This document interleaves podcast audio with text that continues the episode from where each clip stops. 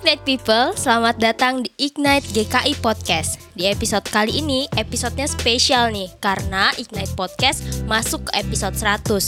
Perkenalkan, aku Vio, aku dari GPIB Marturia Jambi yang akan menemani kalian bersama dengan wah ada banyak sih di sini em, teman-teman dari tim Ignite GKI. Teman-teman pasti kepo dong. Kira-kira kita bahas apa ya hari ini? Nah, hari ini tuh kita bakalan ngebongkar-ngebongkar sedikit nih tentang pelayanan audio, visual dan kinestetik yang ada di Ignite GKI. Sebelumnya, kita mulai perkenalan dulu yuk. Eh, mulai dari tim podcast deh. Silakan.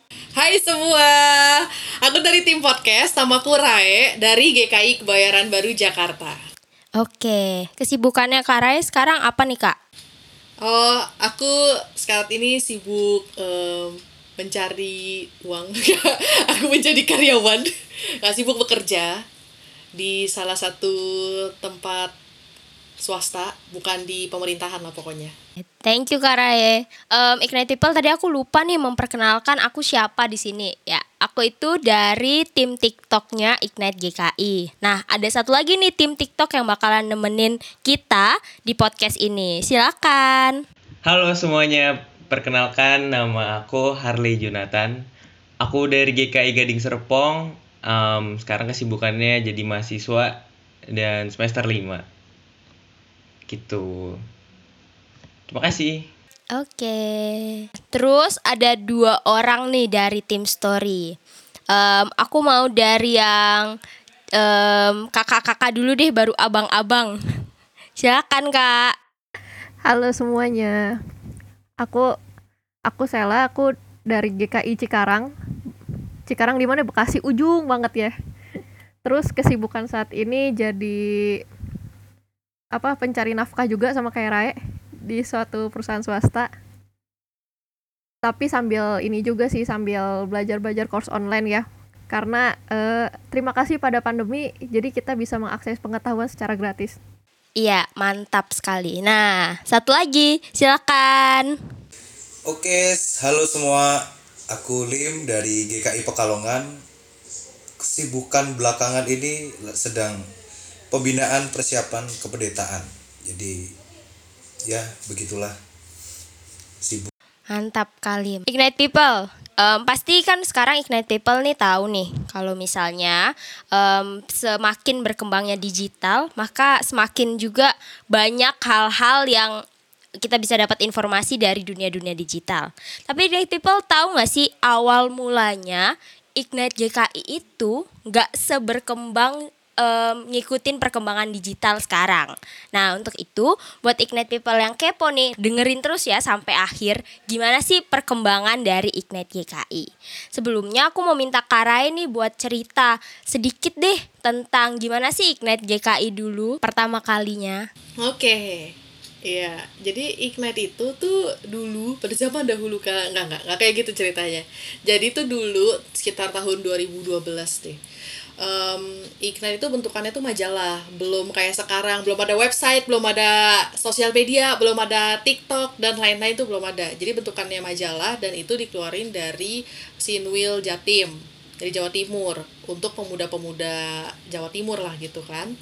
Terus abis itu berpikir kan, waduh sayang banget nih kalau misalnya majalah cuma dijadiin ganjalan pintu.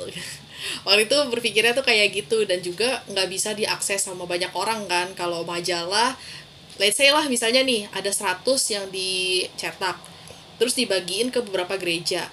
Ya dibagiin beberapa gereja berarti cuman pemuda-pemuda tertentu aja nih yang bisa baca artikel-artikelnya Ignite. Jadi memang Ignite itu awalnya tuh majalah, bentukannya itu bener-bener artikel kayak gitu.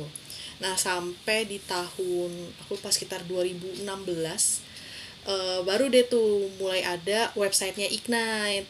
Nah, kenapa dibikin dalam bentuk digital supaya makin luas aja jangkauannya, jangkauan dari pemuda-pemuda yang bisa baca artikel-artikelnya Ignite gitu. Dan itu masih dikelola sama teman-teman dari Jawa Timur juga setauku ya. Terus dibawa ke TRP 2015 ya 2015 terus itu mulai digarap eh, segala macam.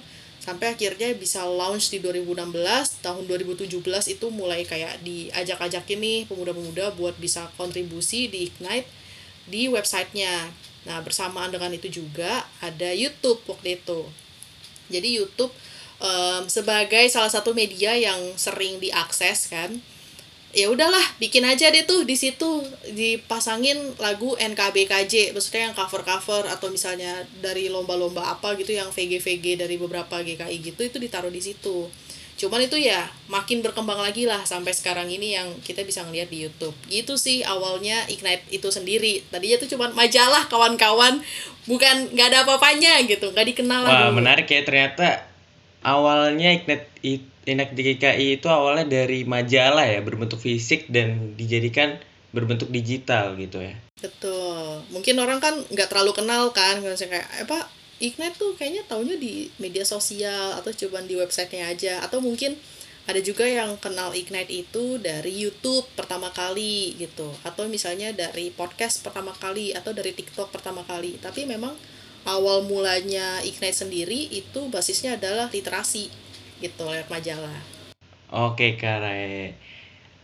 Nah, Ignite People dalam perkembangannya, ternyata Ignite GKI itu nggak berhenti sampai soal majalah, artikel yang berbentuk fisik ke digital.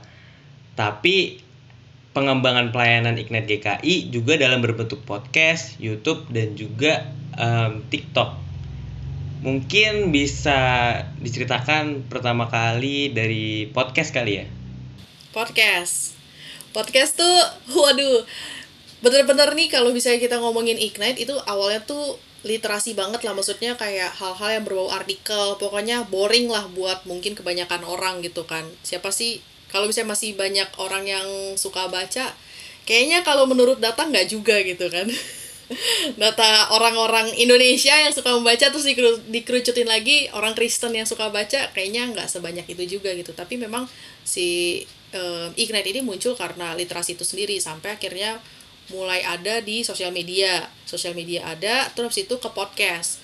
Jadi tuh karena ada sosial media dan podcast sebenarnya tuh awalnya untuk menopang artikel. Jadi tuh sarana untuk ngasih tahu orang-orang hello di sini ada artikel bagus nih lagi ngebahas ini terus coba deh abis dari podcast terus nanti main ke websitenya Ignite. Kayak gitu awal di podcast. Itu sekitar tahun 2018 19 2019 sorry.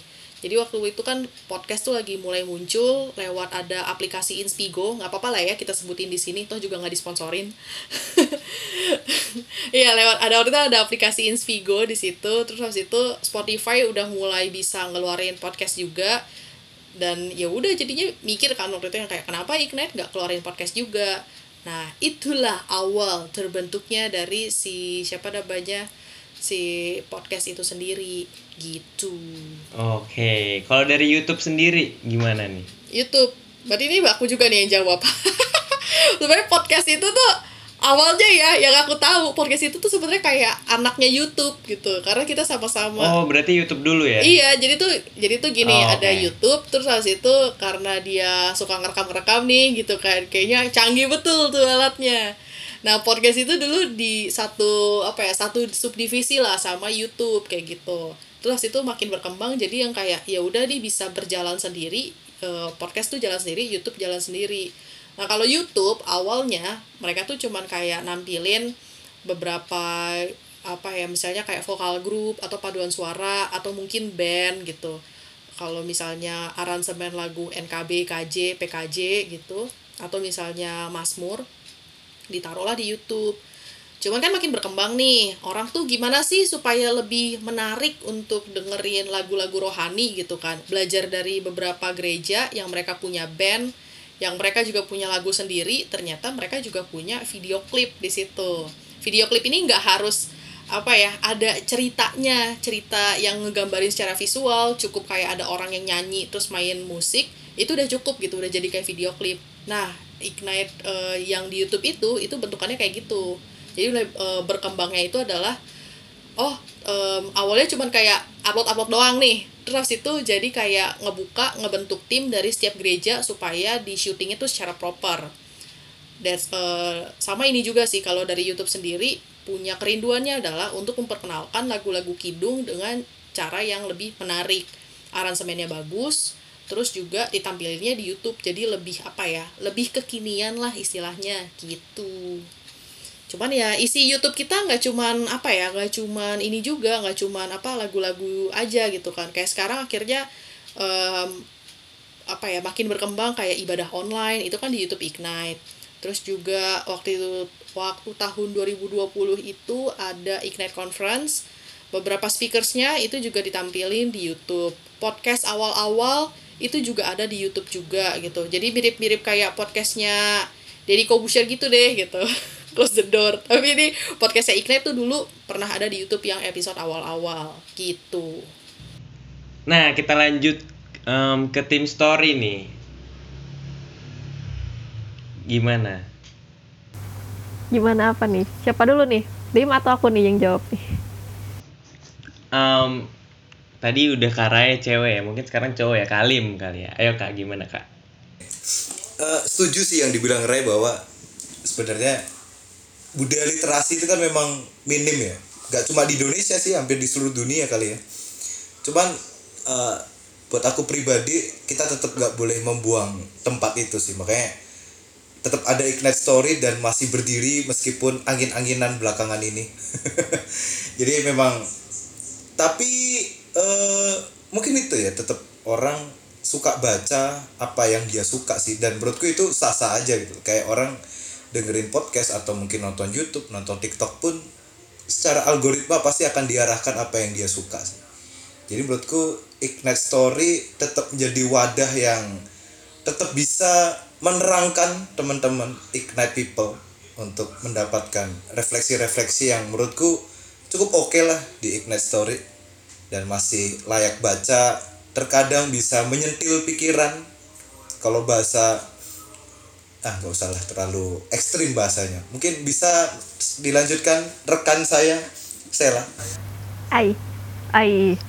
Jadi kalau kalau podcast itu kalau menurutku sih podcast itu juga literasi juga tapi dalam bentuk audio ya.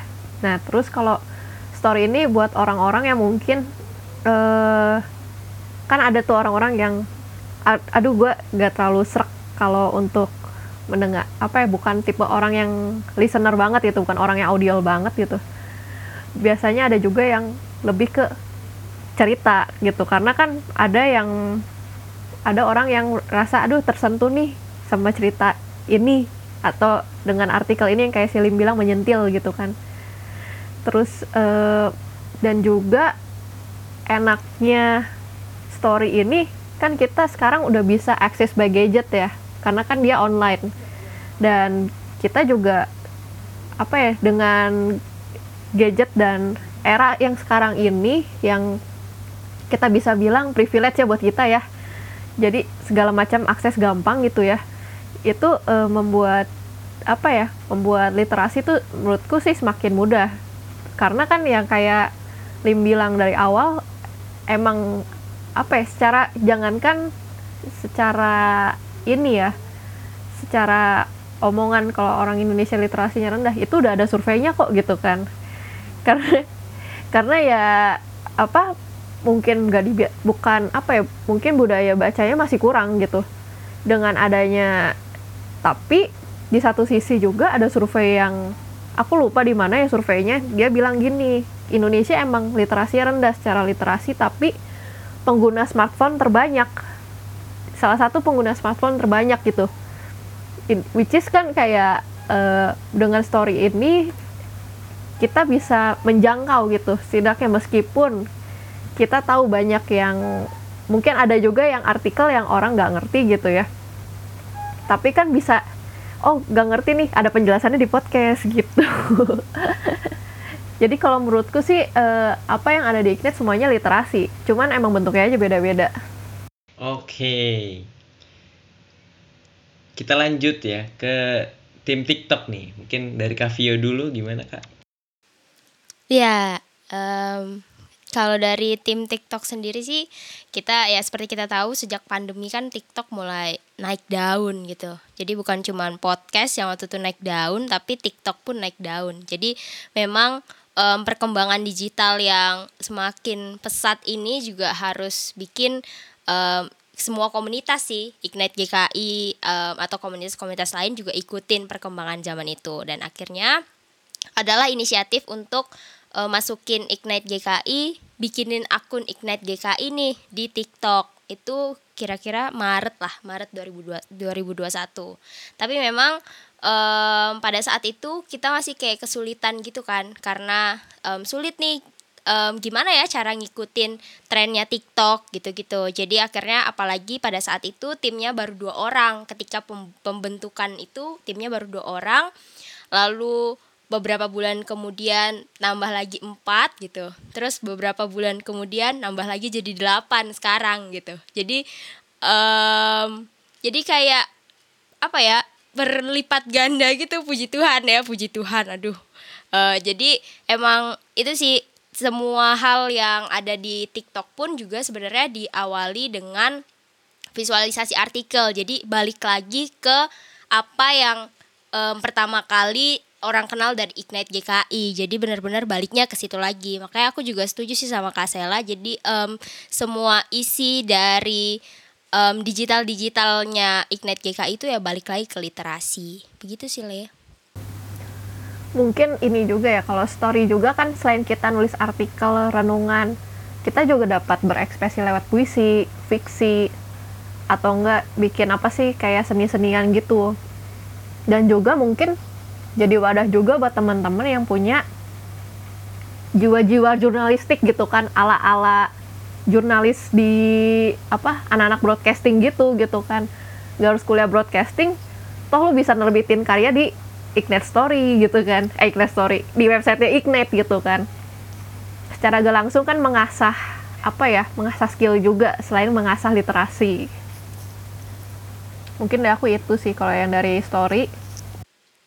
Oke, thank you Kak Sela. dan tadi yang di mention view itu ada benernya juga itu. Sebenarnya kan story itu kan memang fundamen dari setiap divisi ignite. Tapi bukan soal storynya sebenarnya sebenarnya kan ignite story artikel itu kan dari teman-teman ignite people juga gitu jadi kita ini menerapkan prinsip-prinsip demokrasi nih.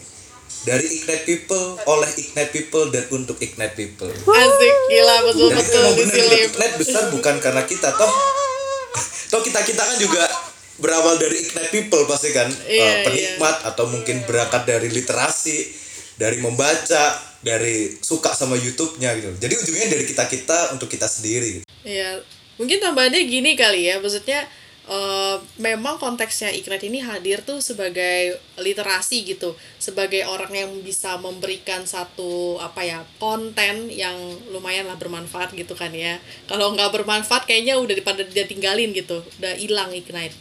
Tapi juga di sisi lain sebagai wadah untuk menerima konten-konten itu gitu dari em, Ignite People yang lain gitu kan. Entah dia sebagai host, sebagai kalau di di podcast ya sebagai host, sebagai narasumber.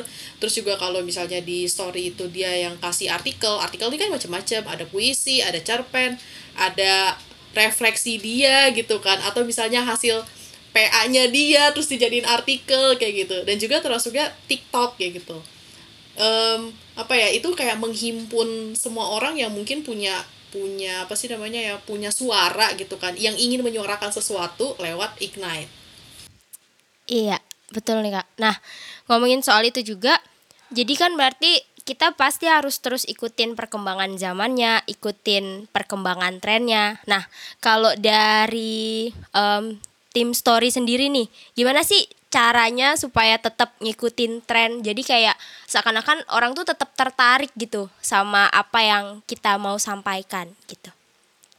Siapa yang mau duluan? Silakan. mungkin lim dulu lim kok jadi tunjuk-tunjukkan jadi kalau dari ignite story sih mungkin kerjaan kami ini agak beda dari teman-teman divisi lain sih mungkin kalau teman-teman divisi lain eh, lebih terlihat secara eksplisit mengikuti tren gimana mesti ngikuti perkembangan zaman. Nah kalau kami itu mungkin agak klasik gitu ya kembali ke tradisional. Karena yang paling kami ikuti kan biasanya kami membuat ad letter gitu editors letter. Itu pun sebenarnya kami ciptakan di akhir tahun untuk satu tahun ke depan. Jadi update nya mungkin tidak seupdate teman-teman yang lain ya karena sekarang kan tren itu nggak cuma per bulan gitu tapi bener-bener bahkan seminggu sekali pun bisa ada tren yang berbeda. Jadi mungkin kami agak klasik cuman mungkin ini bagian dari kita saling melengkapi ya sebagai persekutuan Kristus wede di mana mungkin ada dari kami ya Isna Story yang lebih mungkin lebih makro lebih gambaran luas. Dan ada mungkin teman-teman yang lain yang bisa mengerucutkan bahkan dari ignite people sendiri gitu mungkin itu sih kalau dari aku. Mungkin Sela boleh nambahin. Kalau dari aku sih kalau soal Ignite Story itu yang aku lihat eh dan dan kita berdua eh kita berdua lagi kita berempat karena timnya berempat kita berempat kerjakan itu kita lebih ke fokus ke isu ke isu anak-anak apa sih kegelisahan anak-anak apa sih. Karena kan kita yang bikin kita nih udah kayak gini loh kan eh, gak akan ada podcast gak akan ada TikTok kalau dari storynya aja belum jelas gitu. Gak ada storyboardnya gitu loh istilahnya.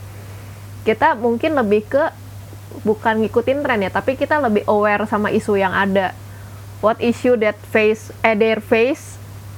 Atau apa yang apa sih kegelisahan-kegelisahan yang mereka alamin gitu kan sesuai dengan bukan sesuai dengan zaman ya tapi isu-isu itu kan emang yang sering berkembang dan apa ya?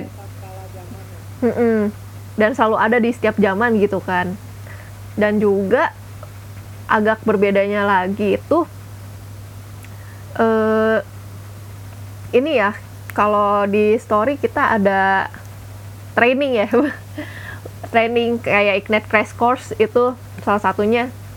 Emang sih bukan training yang training banget gitu. Lebih ke workshop atau enggak kita menambah menimba ilmu juga. Kan itu salah satu apa cara kita melek literasi kan salah satunya kan emang harus menimba ilmu juga ya. Salah satu ininya medianya ya.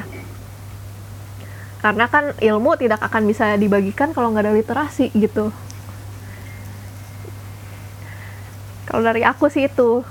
Dari kami berdua Tapi aku nambahin kali ya buat yang story, sebenarnya memang nggak bisa terus yang ngikutin tren hari ini misalnya ada tren iko-ikoyan besoknya keluar artikelnya gitu. Tapi itu sebenarnya based on dari kegelisahan dan juga kepekaan dari Ignite People juga gitu. Sometimes ada artikel-artikel yang keluar itu menanggapi em, apa ya isu yang beredar gitu. Dan ini tips buat kalau misalnya Ignite People yang mau nulis artikel ya itu bisa dipakai gitu kan. Memang kesannya kayak ih clickbait banget nih judulnya atau clickbait banget nih kontennya.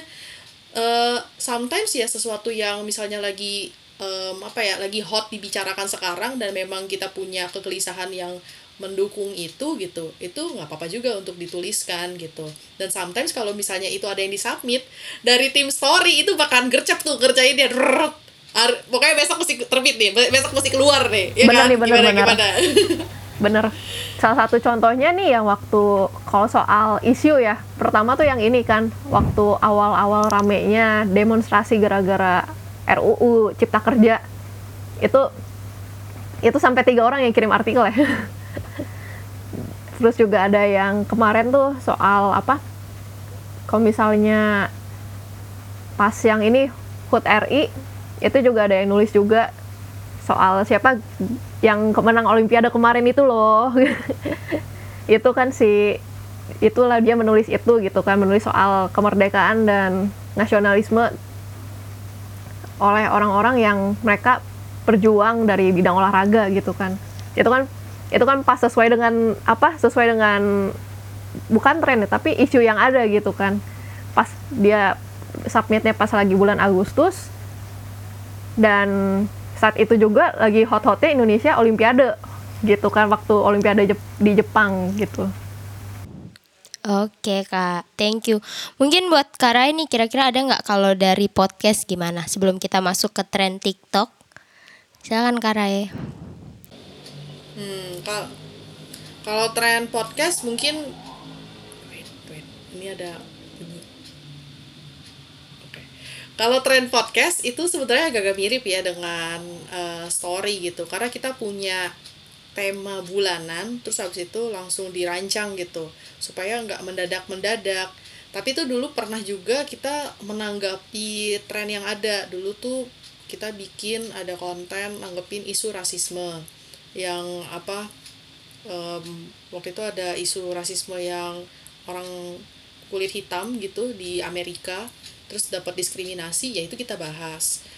Em, selebihnya memang kebanyakan adalah konten-konten yang memang relevan segala zaman sih. Maksudnya segala kayak sep- sepanjang tahun itu akan ngomongin itu terus nih. Atau misalnya di generasi ini gen eh, Gen Z sama generasi milenial apalagi generasi milen- milenial yang akhir itu lagi ngomongin misalnya tuh tentang apa ya tentang mental health kayak gitu. Ya itulah yang akan kita bahas gitu kan. Mungkin itu nggak akan jadi kayak tren selama satu bulan atau misalnya satu minggu gitu. Tapi itu akan jadi ter- eh, tren yang terus berjalan misalnya dalam waktu lima tahun gitu. Itu orang akan ngomongin terus nah itu yang kita angkat kayak gitu. Mirip sih dengan apa yang dikerjain sama teman-teman di story juga gitu. Sejauh ini sih gitu. Paling kalau misalnya tren-tren yang lain ya sambil ngeliat ini podcast lain tuh lagi ngebahas apa sih terus kita meniru cara mereka bertutur cara mereka untuk melakukan sesuatu gitu lewat podcast tuh kayak gimana karena memang di Ignite sendiri tuh lumayan dinamis semua konten tuh kayaknya ada gitu macam-macam tuh bisa ditemuin lah di Ignite Oke, Eh, thank you Karae. Nah, buat em, TikTok sendiri nih, aku juga mau sharing nanti juga bakalan ditambahin sama Ale nih. Em, kita itu juga di tim TikTok itu benar-benar ngikutin tren. Mungkin kalau kakak-kakak kan em, buat semacam bulan ini pakai tema apa gitu. Nah, kalau di TikTok tuh rada susah tuh kalau mau bikin-bikin tema kayak gitu. Karena rasanya setiap minggu aja tuh trennya bisa berubah. Jadi eh, mulai dari waktu itu kita visualisasi artikel, pakai eh, lagu yang ngetren, joget-joget gitu. Ternyata tiba-tiba minggu depan turun. Akhirnya kita bikin em, duet dan eh, gubah kidung. Akhirnya ada juga yang turun, ada yang FYP, ada yang gitu. Jadi benar-benar kayak susah lah mencari eh, tren di TikTok gitu. Kira-kira kalau dari Ale gimana nih?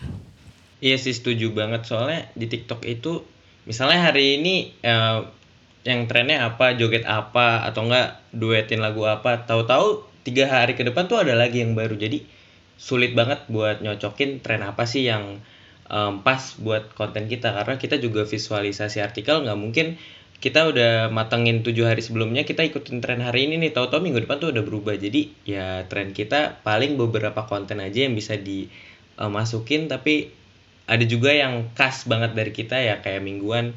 Karena kita mingguan juga ada lima eh, per minggu itu ada lima konten. Di mana sebelumnya itu sulit banget nyesuain em, karena tren-trennya itu yang berubah tiap harinya gitu Ya, mungkin aku bisa nambahin gini kali ya. Em, Ignite itu memang banyak platform. Tapi kalau misalnya untuk ngikutin tren itu ya based on dari platform yang kita pegang kayak gitu. Ya tren TikTok nggak bisa mungkin diikutin sama anak-anak story atau anak-anak podcast. Tren di podcast pun juga nggak bisa diikutin sama anak story sama anak TikTok gitu. Itu based on dari platform juga. Mungkin buat teman-teman kreator atau juga teman-teman mulmet di gerejanya ya ini bisa jadi insight juga sih.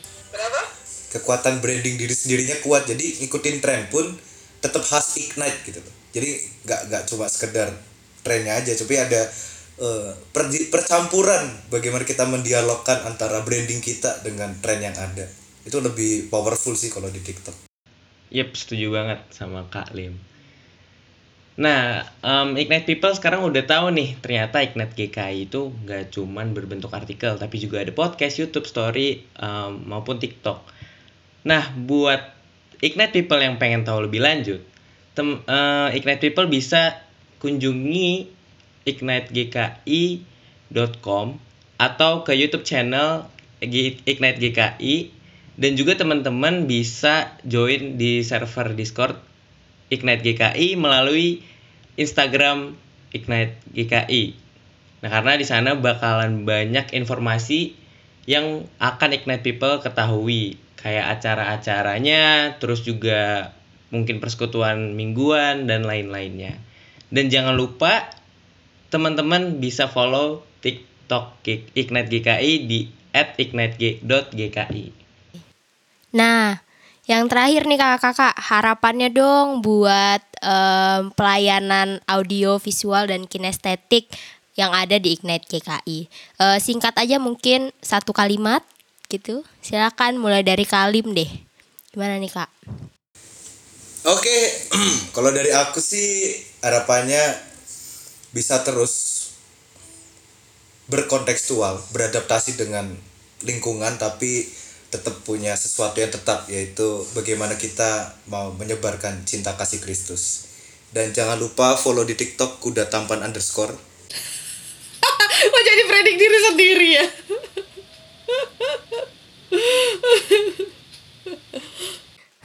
Sekalian ya kak. Oke. Oke, kalau dari Kak Sela nih, gimana Kak harapannya? Kalau dari aku sih semoga Ignite semakin berkembang dan semakin dinamis ya. Karena kan kita udah mulai mengikuti lewat TikTok, lewat podcast. Mungkin kita nggak tahu nih nanti di depan ada apa lagi gitu kan. Oh ya sama ada Discord juga. Kita kan ada Discord ya di Ignite ya. ada Discord. Betul. Tempat ngobrol-ngobrol buat kalian yang gak punya teman ngobrol azek. Eh ada kan ya di Discord kan ini tiap Kamis malam tuh ada obrol obrolan obrolan anak indie ya itu ya. Sambil apa kopi senja ya. Oke, kalau dari Ale nih apa nih harapannya? Harapannya ya semoga Ignite People semakin terberkati dan juga bisa berkontribusi ya di mana pun segmen G- Ignite GKI itu. Udah, thank you. Oke, kalau dari Karae? Em, harapannya tuh semoga Ignite itu bisa tetap relevan dengan eh, pemuda. Walaupun pemudanya sekarang tuh udah jadi dewasa muda atau misalnya udah semakin tua gitu tapi tetap bisa masuk ke pemuda gitu. Karena pemuda itu yang paling lebih powerful lah dibandingkan kalau misalnya orang yang udah lebih berusia. Oke, kalau dari aku sih buat em, harapanku buat Ignite GKI, semoga Ignite GKI itu semakin menjadi sesuatu konten-kontennya semakin membuat Ignite people semua bahagia dan tertarik dan termotivasi dalam kehidupannya. Oke Ignite people, terima kasih sudah mendengarkan. Sampai jumpa di episode berikutnya di hari Jumat depan. Dadah. Dadah. Dadah semua guys.